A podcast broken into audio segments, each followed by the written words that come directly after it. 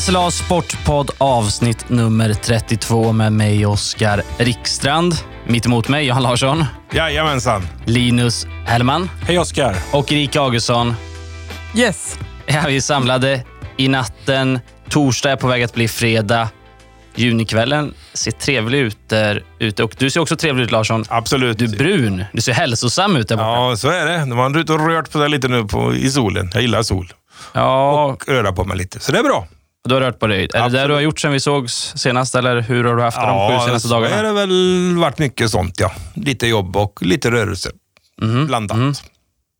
S- Sommarvibbar på dig eller? Ja, men det är det ju. Det känns ju jättebra tycker jag. Att vi får en riktig, jag hoppas man får en riktig sommar faktiskt. Det, jag tycker det är mycket värt. Jag har ju sagt i podden tidigare att jag lägger mig i hängmattan för att njuta av solen och sådär. Vad gör du när det vädret ser ut som det gör? Ja, vad gör man? Nej, men så- sitter en stund och sen går du framförallt ge mig ut tycker jag är skönt alltså. Varit uppe i skogen på berget ett par gånger den här veckan faktiskt också. Så att, ja, jag tycker det är gott. Lugnt och skönt och ja, ensam går alldeles utmärkt. Hellman, vad har du haft för dig de senaste dagarna? Ja, vi har ju jobbat, men det har ju varit, vi har haft vackra kvällar, sommarkvällar nu. Den se- senaste veckoslutet får man ändå säga. Där man har kunnat njuta lite grann. Mhm, mhm. Vill du veckla ut det mer eller ska vi lämna det där? Vi kan väl lämna det därhän och sen har jag ju förmedlat en vinnare i Elitloppet så du Mm, vi, får kom, lite deg där. vi kommer till det. Vi kommer till det. Okej. Erika först. Vad har du haft för dig? Jag har eh, cyklat, föga förvånande. Fått upp lite motivation där igen och bränt av eh, en hel del pass det senaste här nu. Så att det har varit härliga dagar, varma dagar. Hur många mil är du uppe i den här veckan? Den här veckan har det blivit eh, 14. Men veckan är inte slut än, så vi siktar på ett gäng till. 14 mil i skogen. Mm, exakt. Hur mår kroppen? Ja, lite trött i benen när vi gick upp hit här nu ikväll för att spela in podd, men eh, sova några timmar på det så kanske vi kör imorgon morgon igen. Vi får se. Fint. Vad gäller mig så ja, men ska man kanske ha den ingången då, travet. Jag är definitivt ingen expert på det här, det kanske man har förstått tidigare. Min favorithäst är ju Digital Ink. I helgen var det Elitloppet, Digital Ink inte med. Nej. Men vi såg ändå det här, får man kalla det spektaklet Linus? Eller? Ja, det får du, kan du benämna det som kanske. Och jag kände väl tätt in på, man kallar det inte avspark, jag förstår det, men tätt in på starten nu på Elitloppet att man ska vara med på något litet hörn kanske för att göra det intressant. Jag vill ha en häst att heja på. Så är det. Jag konsulterade din bror då på något sätt, eh, Emil Hellman, Ja, frågade precis. Emil, vem kommer vinna det här eh, Elitloppet? Don Fanucci, säger han. Aldrig hört talas om den hästen. Don Fanucci, men det lät bra. Det lät bra ja. Så jag klev in och eh, han körde hem det. Örjan Kihlström i bak, Don Fanucci fram. De tog hem Elitloppet Ja, och jag blev lite, lite rikare. exakt. Don Fanucci är en gestalt i, ja, helt enkelt gudfadern, så att det kan aldrig bli fel. Vad var vinnaroddset? Tio gånger satte jag det till. Ja, precis på det spelet in, inför själva tävlingsdagen. Du, Ja, det är bra. medan vi är inne på det, bara Ecurydie körde också ägare från Skövde. En delägare från Skövde. Exakt. Fick ju ett tufft lopp i sitt försök och blev ju tvåa, knappt slagen med en nos där. Och sen fick han ett, tufft lopp igen i finalen och det, det räckte inte då. Det blev en sjätteplats. Och nu väntar ju nya äventyr i USA istället och hästen flyttas ju från Norge, från Frode Hamre till Åke Svanstedt, en annan känd person här som firade stora framgångar. Vaxfalla. Kung Åke. Kung Åke, ja. Larsson, du var lite inne på trav i förmiddags. Du pratade om någon häst där. Ja, jag tipsar om en ny favorithäst till dig. Kill em all. Kill em all, döda dem alla. Ja, Det är ett offensivt namn. startar på Axfalla här nu på söndag. När det är stortrav där. Det är det väl Ja, det naturligtvis. får man ju säga igen. De kör ju hårt här. Guldstoet, det största loppet för treåriga ston. Också världens längsta travnamn på ett lopp. Då. Eh, Hertiginnan av Västergötland, kronprinsessan Victorias lopp som avslutar V75-omgången. För då kommer ju många av de här eh, stora kända alltså, kuskarna, eller hur? Exakt. Det är, det, det, Örjan Kihlström också kanske? Ja, det såg så. Jag har inte koll helt på startlistan på kuskarna. Nej, men alla Björn Goop och såg jag och stora, Berg och allihopa. Stora lopp, så att absolut. Så då är vi uppe på, om det är något annan sport, då är det ju på absolut SHL-klass på det, liksom på, på den nivån. Då. Så det är ju inte alltid på vanliga kvällar, då är det mer lokalt kanske. Men nu kommer de bästa, för nu är det mycket pengar att köra om. Då vill man vara med naturligtvis. Exakt. Skön person verkar vara, Björn Goop. Alltså, nu har jag inte hängt med så länge i travet, men man fick se någon intervju där på Elitloppet och jag förstår att han är en superstjärna, Goop. Ja. Vunnit hur mycket som helst. lättsam eh, personlighet. Ja, men en bra ambassadör för sporten. Mm, mm. Det är inte på grund av travet som vi sitter här vid den här tidpunkten. Jag sneglar ner på datorn. 22.55 står det. 5 i 11 är klockan. Det har spelats fotboll ikväll. Det är därför vi är nu. Skövde AIK har mött Assyriska. Skövde AIK har slagit Assyriska med 1-0 och brutit den här förlustsviten som man byggde upp. Har ni sett matchen på Södermalms IP ikväll? Jag har sett eh, segment av matchen. Delar av den har jag sett. Erika, du har definitivt sett den. Mm, för en gångs skull så var jag inte en av få som var där, utan vi var ju ganska många på plats för en gångs skull nu på Södermalms IP. Det var kul att ha publiken på plats igen. Det satt en eh, annan journalist uppe på press, i pressbåset och sa, beklagade sig över att han tyckte att matchen var tråkig. Jag håller inte med. Jag tycker den var innehållsrik och att det finns mycket att ta i. Mm. Eh, och Det första som sticker ut är väl nästan det röda kortet. Vi ska prata om segern och matchvinnare och sådär, men de åker på en utvisning i Skövde AIK. Teddy Bergqvist, rött kort. Två gula kort. Först efter tio minuter när han avbryter den assyriska kontring. Det andra en halvtimme senare när han snackar till sig ett gult kort och får ja, rött kort helt enkelt. Vad har vi att säga om den här situationen? Ja, anmärkningsvärt naturligtvis att få lämna en fotbollsplan efter 35 minuter, eller vad sa vi där? Och, eh, han var ju tillbaka där efter sin avstängning senast, så att, eh, en halvtimme spel. Och, ja, och sättet det sker då. Jag ser ju bara reprisbilderna där från eh, den händelsen. Då. Det är ju en fri, frispark som Skövde AIK får emot sig. Då. Eh, liknar väl mest kamp om bollen kan jag tycka, men det spelar inte så stor roll. Domaren har ju blåst då, och sen är det ju vilda protester. Och Teddy Bergqvist verkar ju ha eh, inte kunnat eh, hålla och sagt något olämpligt där. Då. Ja, absolut. Han menar att han sa att eh, den här spelaren, e-syriska, lägger sig ner. Han lägger sig ner. Och eh, då visslar domaren till sig honom och eh, delar ut det gula bara. Bergqvist inne på att domaren kanske inte har koll på att han har ett gult sen innan. Och så jag vet inte om det ska spela in egentligen. Det ska det väl göra egentligen, för att det är ju ofta så det är rent generellt sett. Att har man en varning så är ju tröskeln högre att få nästa varning. Det ska ju inte vara så, men det har blivit en kutym att det är så. Mänsklig karaktär kanske till och med från en domare. Och är man osäker också så kanske man inte tar det. Eh, Men som sagt jag vet inte vilka ord som föll och man, har, måste, ju, man måste ju ändå uttrycka sig på ett korrekt sätt. Erika, du stod bara några meter ifrån situationen. Mm, alltså man kan väl lugnt säga att, eh, jag vet inte om man ska säga det slumpartat att det är Teddy som får det, men det är många som är framme och eh, säger både det ena och det andra och viftar och det puttas lite på både egna lagkamrater och eh, andra där. Så alltså, det var mycket irriterat i matchen och domarna fick eh, höra både ett och annat under hela matchens gång. Sen att Teddy fick sitt andra gula, det, ja, jag vet inte vad man ska säga om det. Det är tråkigt för honom såklart och för laget och allt sådär, men det, ja, fem gula kort har han fått nu på, på det som har varit hittills, så jag vet inte vad man ska tycka riktigt. Ja, i sammanhanget bör man väl notera att eh, han idag var tillbaka från avstängning på grund av att han har tagit så många gula kort redan. Han tog tre gula kort på sina åtta första matcher i Skövde AIK, stängdes av, var tillbaka idag. Då tog han två gula kort på en halvtimme. Utvisad. Avstängd igen nu. Ja, det håller ju naturligtvis inte över tid. Så här kan, så här kan det ju inte fungera. Liksom. Jag kan ju förstå om folk reagerar och sådär, men att, nu får man ju tänka sig, han måste ju tänka sig för nu framöver. För att jag tror också det fungerar så här lite med domare. Va? Det håller de aldrig med om om man skulle fråga dem, men så är det ju. att Hamnar man lite på i onåd någonstans så är det ju lättare att få de här korten igen. Det, jag är, det tycker jag är tämligen övertygad om. Så att, eh, nu ligger han ju illa till och han, ja, jag kan inte, ja, det är klart vi vet mycket om hans historia. En stor super supertalang en gång i tiden som då fick slog igenom som 17-18-åring och var ute på någon fotbollsresa och sådär. Så att, eh, jag tror att han, ja, någonstans så kanske han håller på att hitta sig själv också på fotbollsplanen och då behöver man kanske ännu mer tänka lite grann på humöret. Alltså. Så, så är det väl. Man kan ju tänka sig då, man, man spelar på en högre nivå, det är kanske en annan eh, dialog med domare, så, men han har ju ändå spelat i ettan och borde ju vara van tidigare nu. Då. Ja, man kan ju tycka det också. Så jag kan inte döma honom för hårt, för jag kan honom för dåligt för det. Men det är klart att det, det ser ju inte bra ut. Liksom, man kan ju inte eh, spela varannan match här. Va? Och det har ju dessutom inte Skövde AIK råd med, för det här är ju en prestigevärvning som han gjort. Det här är en bra spelare. Han måste ju spela i stort sett hela tiden om det ska gå vägen för Skövde AIK. Det är jag övertygad om. Därför var ju matchutgången desto mer häftig då, man ändå, ja, vi kan ta det. Ja, absolut. Jag vill bara, innan vi går vidare från Teddy Bergqvist, nej, omnämna honom som Skövdes bad boy. Kan vi göra det? Eller?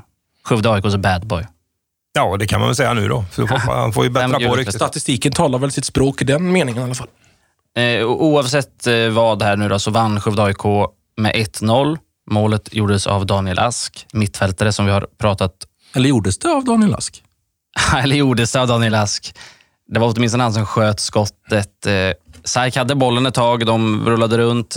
Ask fick den, väggspelade med den, ja, omnämnde redan Teddy Bergqvist, sköt mot målet. Bollen tar en stor styrning på en försvarare och går i mål. Eh, hur står ni i den här frågan? Jag tror att Daniel Ask kommer få det officiellt för att eh, skottet var på väg mot mål. Ja, så är det säkert. Men jag bara, just eftersom det var en touch från en försvarare som ställer målvakten, för annars vet jag inte om det hade gått in faktiskt. Det här är i alla fall Daniel Asks första mål i Skövde AIK. Det här är en spelare Skövde AIK vill ha igång tror jag poängmässigt. För, ja, han har gjort en del poäng tidigare, han har varit i Värnamo och sådär. Inte i Sarken så länge. Nej, det är en bra spelare tycker jag, det jag har sett av honom. Väldigt bra spelare.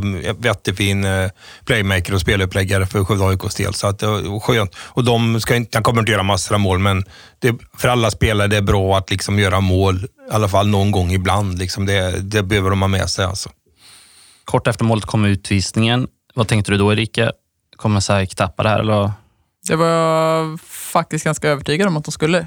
Efter att liksom ha 5-0 mot sig från förra matchen och tre raka förluster så kändes det som att det var lite, lite droppen kanske. Att det hjälper inte att ha ett mål till godo och få Bergqvist utvisad där. Men äh, det var imponerande att de höll det och det ska de väl ha all cred för så. Ja, de försvarade sig stabilt var känslan. Eh, Assyriska var inte jättenära på att göra mål efter utvisningen. Men våran guldbollsvinnare kom väl inte så långt idag. Ammar Musin då, som spelade i Assyriska och som vi lärde oss som en väldigt pålitlig målskytt. Nej, han var isolerad och eh, ofta ganska osynlig i den här matchen, Amar Musin. Eh, han hade väl några enstaka lägen när han kunde ha skjutit, valde att passa. Jag tror han har gjort tre mål än så länge. Han har inte fått riktigt samma träff som han fick här i Skövde. Det går, det går tungt för laget, det Assyriska, bytt tränare och så vidare. Och bottengäng här, så att det kanske finns en anledning till att de ligger där redan efter tio matcher. Och det måste man väl också poängtera då, att den här segern var ju oerhört viktig. Jag menar, nu är man, helt upp, man är uppe på 15 poäng och de ligger på 7-8 där nere i, i botten. Va? Det är långt kvar, men jag menar annars är man alltså, bryta trenden och ändå ligga på 15 pinnar nu. Jag menar, det ser väl ganska stabilt ut tycker jag. Ja, det var jätte, oerhört viktigt som du säger efter att ha sett den här tidigare matchen i förra omgången i helgen som vi bevakade. då. Oskarshamnsmatchen, för det var ju rent plågsamt att se 0-5 förlust. Jag kan väl drista mig till att säga nästan att nästan inte sett eh, Skövde AIK så eh, chanslöst i en match i ettan, så utspelat. Och man pratar ju om att man sitt, satt kvar i bussen och så vidare. Det var ju individuella misstag som inte var av denna värld om man ska vara uppriktig och det ska man ju vara. Du får ta fram det klassiska då. Debacle. Ja, debacle är väl ett, också. eh, ett, eh, ja, det är väl det ordet som faller på läppen helt enkelt. Det är ett vackert ord. Ja, det är vackert. Det är inte så roligt, men det är vackert på något vis. Det var inte det ordet jag tänkte på när vi klev in på Södermalms IP en halvtimme innan avspark. Då var det nästan eh, ordet overkligt man tänkte på. Det kändes konstigt. Solen sken, det var varmt.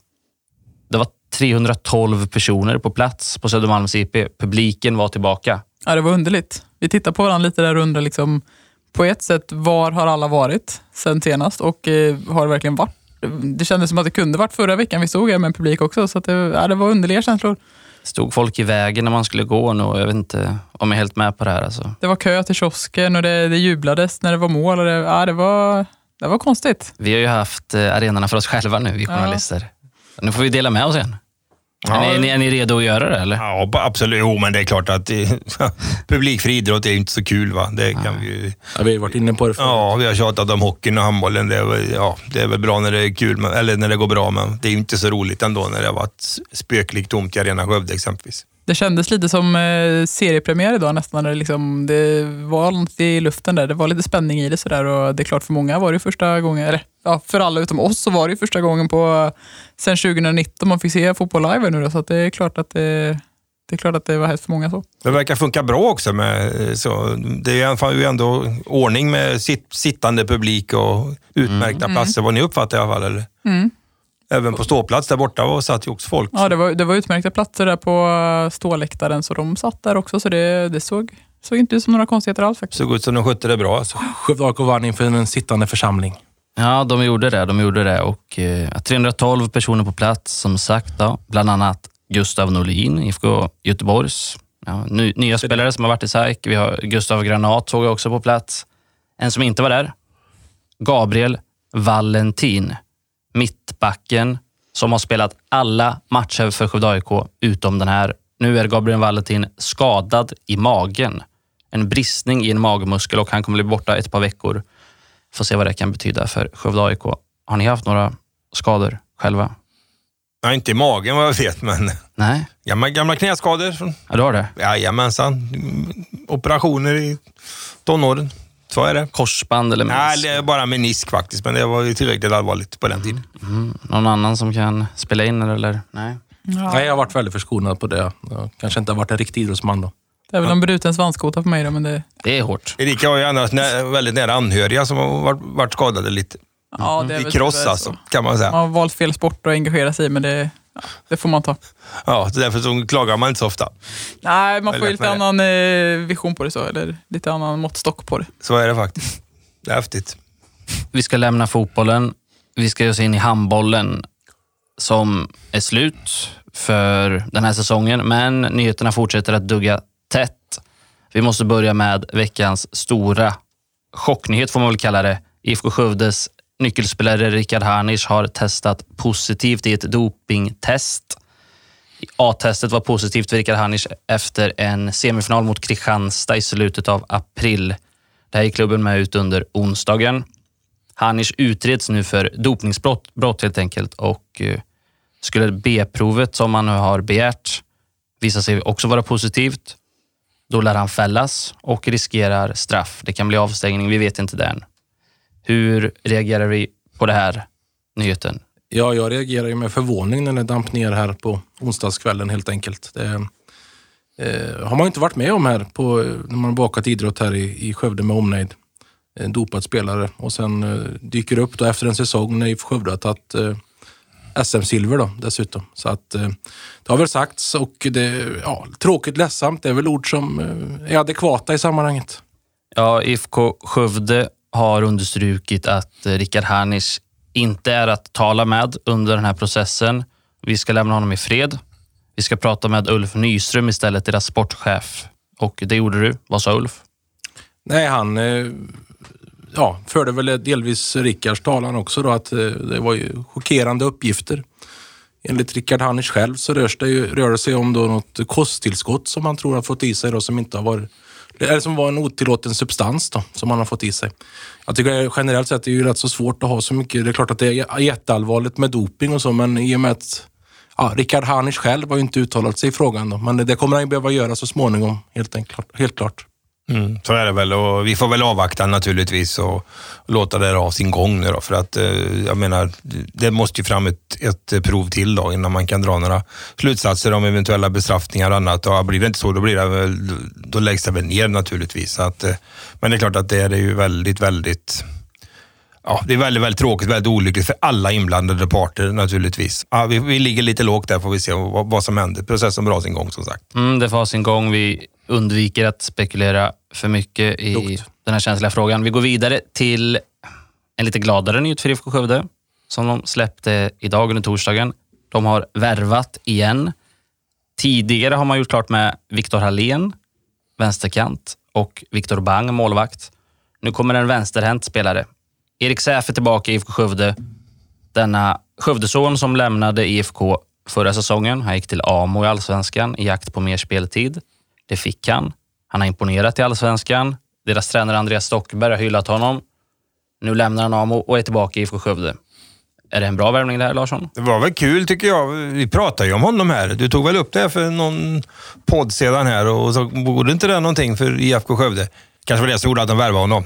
Ja, Ulf Nyström lyssnar på podden. Det vet vi att han gör. Ja, det vet jag att han gör. Nej, men de hade väl honom under radarn naturligtvis. Och, jag tycker att det är kul i det måttet att eh, man ser, för många gånger är det ju så, egna killar kommer upp, talanger och sen så får man inte fortsätta. Man eh, går till en annan förening, lånas ut som det heter. Ofta så är ju den utlåningen kanske, det, det blir ändå något sorts, för många har det blivit ett tack och adjö. Och här tycker jag man visar att eh, man faktiskt kan komma tillbaka nu då och, och få möjlighet igen och fått speltiden och fått den utvecklingen då som IFK Skövde bevisligen är eh, nöjda med. Så att, eh, jag, jag, tycker, jag, jag tycker det är en bra signal av IFK att man, att man gör så här. Man kan inte bara fostra unga spelare och sen så skicka ut dem och inte ta tillbaka dem. För att, eh, det, det här är bra. Det här är jättebra. Och känslan var också att IFK Skövde behövde en vänsterrättsspelare. De har ju blivit av med både Christian Svensson, pensionerad, och Isak Svarén, då, eh, den här andra fiolen på högkanten som har lämnat för allsvenskan.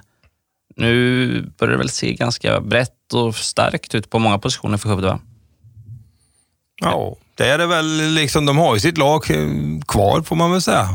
Och gjort de värvningar som de har tänkt göra. Jag har inte riktigt koll på om man har tänkt att göra någonting mer där, men eh, det låter väl inte så, utan det var väl den luckan de behövde eh, tappa in. Då. Sen får man väl hoppas då att Valdemarsson och de här, att de kan liksom kliva på och prestera någonting nästa säsong. Då.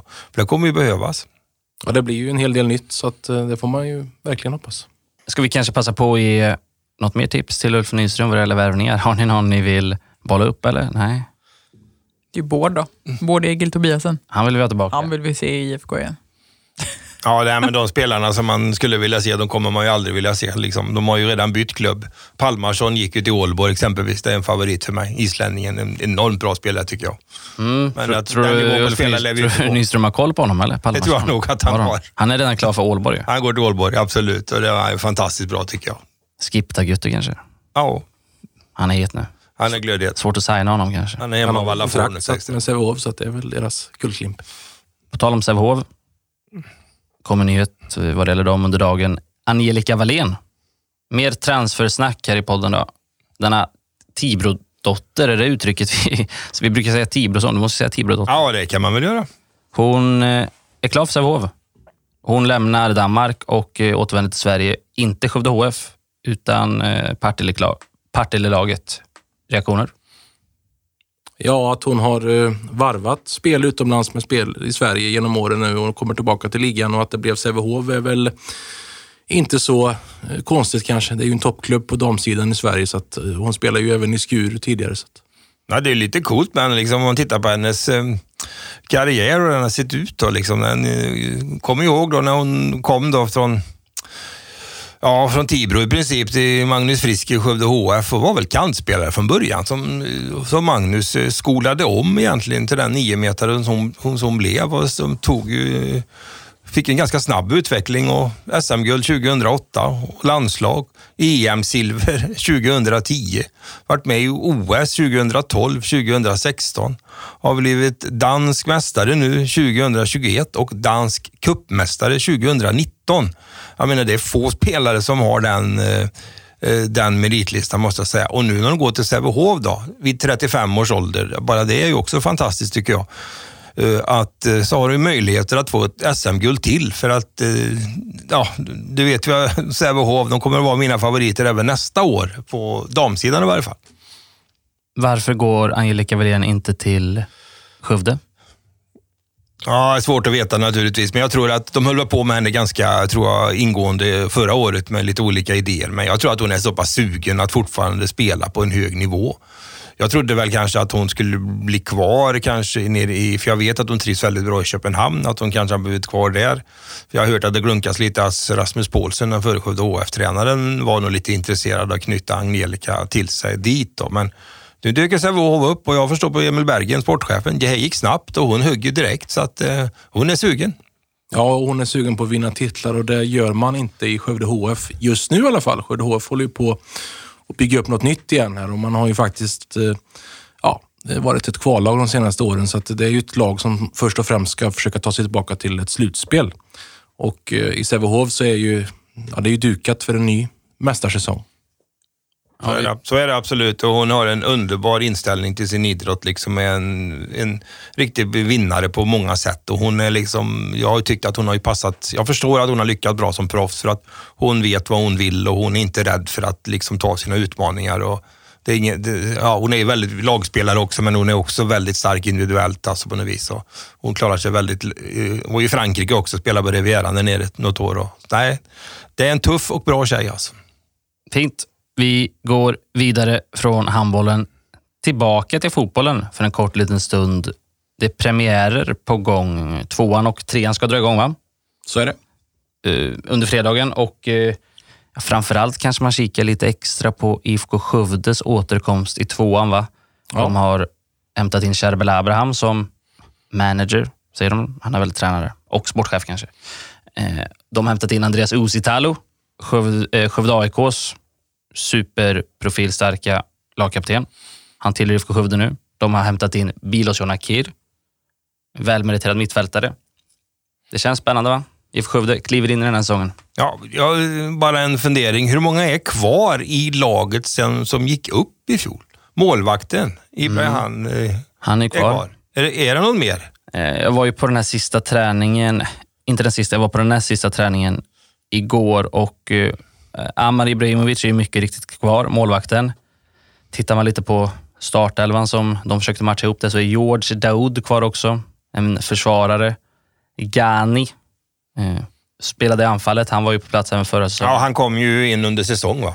Mm. Och även några yngre talanger och så, men eh, ja, till stor del är det ju en, ett helt nytt lag. Ett helt nytt lag och det är rutinerade spelare som kommer, så jag tror att de kommer att hävda sig, kommer utan vidare att hävda sig i division 2. Det är jag ganska säker på.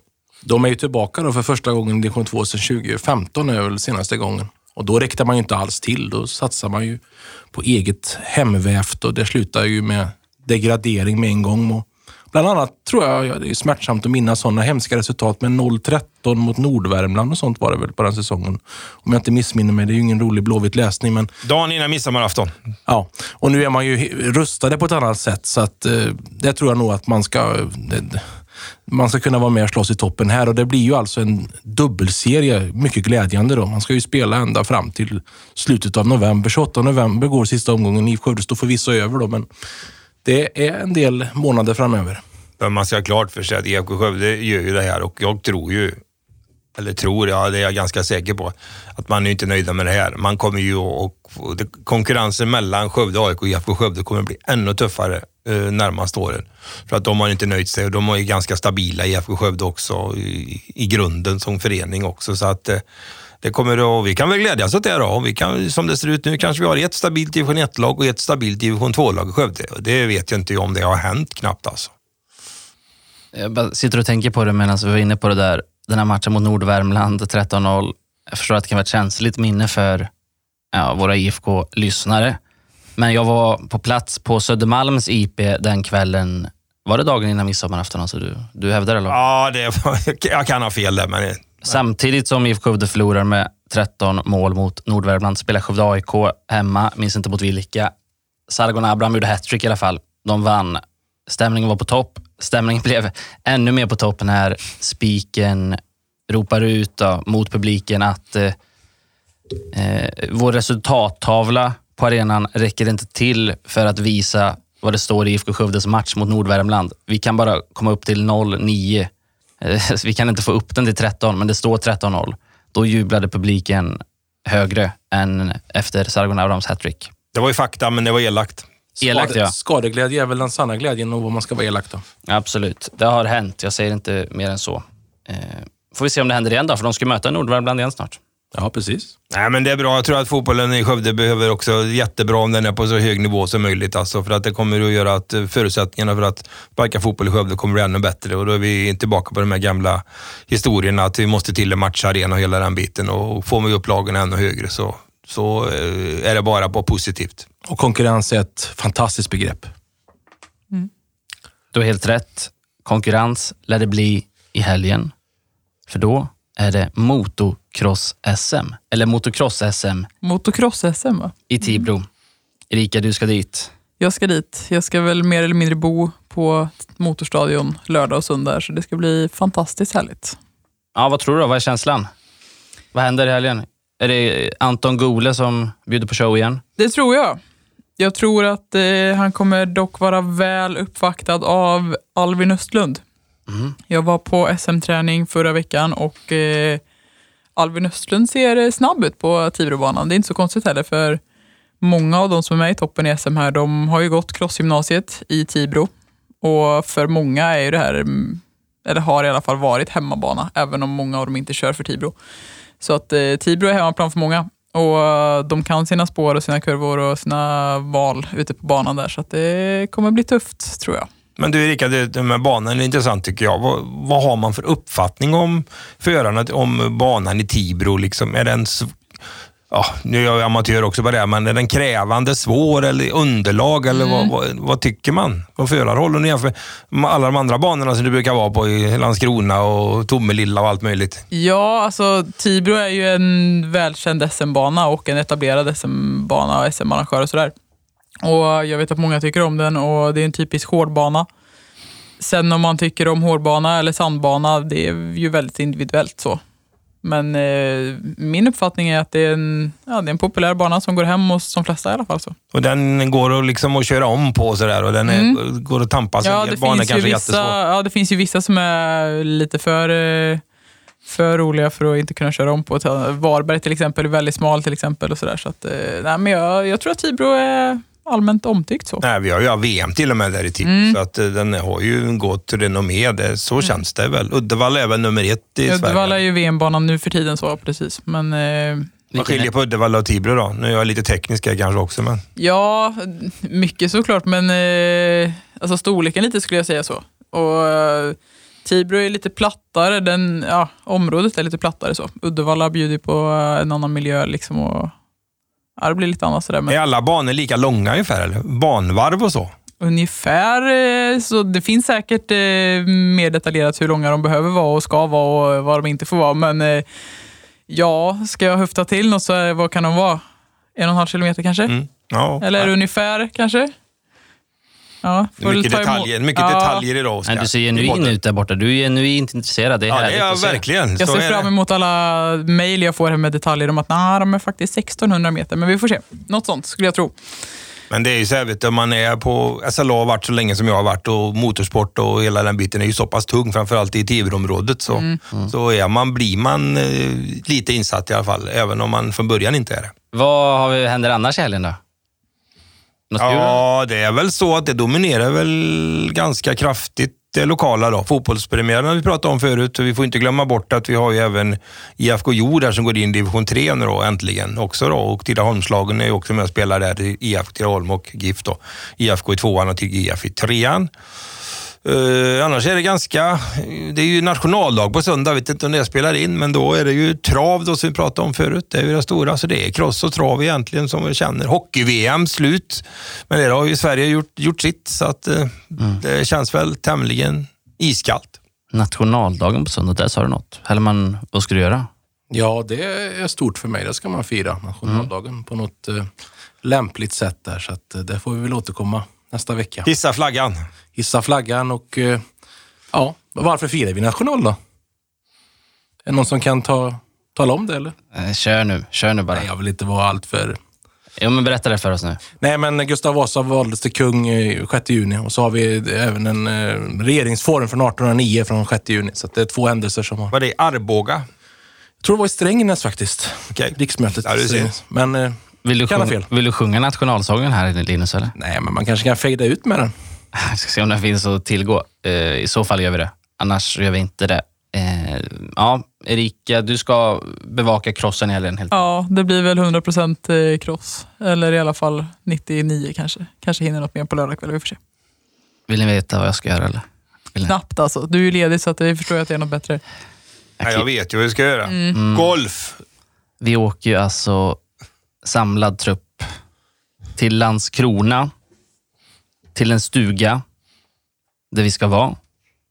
Och vi ska spela fyra golfrunder på fyra dagar på banor i absolut toppklass. Landskrona, Vasatorp, två banor, Barsebäck. Vädret lovar sol, kvällarna lovar öl. Och eh, ja, det, är, det är upplagt för en ganska bra helg känns det Du ser lycklig ut. Eh, Jag ler eller vad gör jag? Ja, det tindrar i ögonen lite sådär. Ja. Ja, men det är klassiska banor. Barsebäck definitivt är ju en sån där stor som har varit på den stora Europatouren och så. så att, och den är säkert i kanonskick, det tror jag. Mm. Får vi se en rödblossig Oskar Rickstrand nästa vecka då? Jag har köpt After Sun förut. Ingen hatt. Nej, ingen hatt. Men jag har en keps i och för sig. Men... After Sun, man måste ju ha även before Sun, sån där. Jo, men det har jag. 30 och sånt. Finns 50. Vad, vad sa du nu? Finns 50. Fem. Det känns Skyddsfaktor. lite väl defensivt. Ja, för fyra rundor så. Vi ska inte gå in på Linus Hellmans eh, solvanor i detalj för mycket, för de, är, de sticker ut kan jag säga. Ja, det ska vi inte göra. Vi är ju alla nybörjare i början. Så är det. Ja, Okej. Vad menar ni? Jag har väl sett ut som en tomat en gång i tiden. Aha. Men det har vi alla gjort. Men Linus går alltid all in. Det gjorde han även den gången. Kanske man inte ska göra när man solar. Var solar du helst Larsson? Vad har du för favoritplats här i Skövde? Var i Skövde? Ja, inte i Skövde direkt. Då är jag nog eh, hemma. Men där, annars så är det ju mycket eh, Vättern faktiskt. Brevik tycker jag är ett bra ställe att vara på. Långgrunt, där det till och med är varmt i vatten på sommaren faktiskt. Mm. Erika, har jag fel om jag säger att du, du gärna slår ner i Bologna och solar lite? Nå, ja, lite. Alltså Bologna är det mer eh, man tar en vinflaska och tar ett kvällstopp sådär. Men eh, för, för solningens skull så är det absolut i cykelspåret. Jag har varit ute den här veckan och eh, ränderna på låren är redan påtaglig. Så att, ja, det kommer bli fina ränder om ett tag här om det fortsätter vara sol. Hellman, du har en balkong i centrala Skövde där solen alltid lyser känns som. Det är perfekt för att sola. Det är solgaranti. Mm, mm. Ja, du kommer ju få, Oskar, sån här, eh, kanske man inte får säga då, när man är elak, en klassisk bonnabränna. Ja, det var man elakt. får. Det kallas för med kortärmat. Kommer det bara bli brunt och sen är det vitt ovanför. Kör bara överkropp. Ja, precis. Men disk får man inte göra på golfbanan. Nej. Det här du inte är, reglementet? ja, vad är det de säger i den här filmen? Det här är ingen campingplats, det är en golfbana. Känslan är att vi är så pass långt ifrån SLA Sportpods eh, grundinnehåll här nu att vi kanske borde avrunda det här avsnittet och tacka alla som har lyssnat, va? Eller? Ja, det är nog Det gör vi säkrast. innan det men, eh, spårar. Totalt spårar du. Då säger vi tack då. Tack. Det gör vi. Tack så Tack. mycket. Och så Tack ses vi idag. nästa vecka. Det gör vi. God natt. God natt. morgon. Hej, hej. Hej.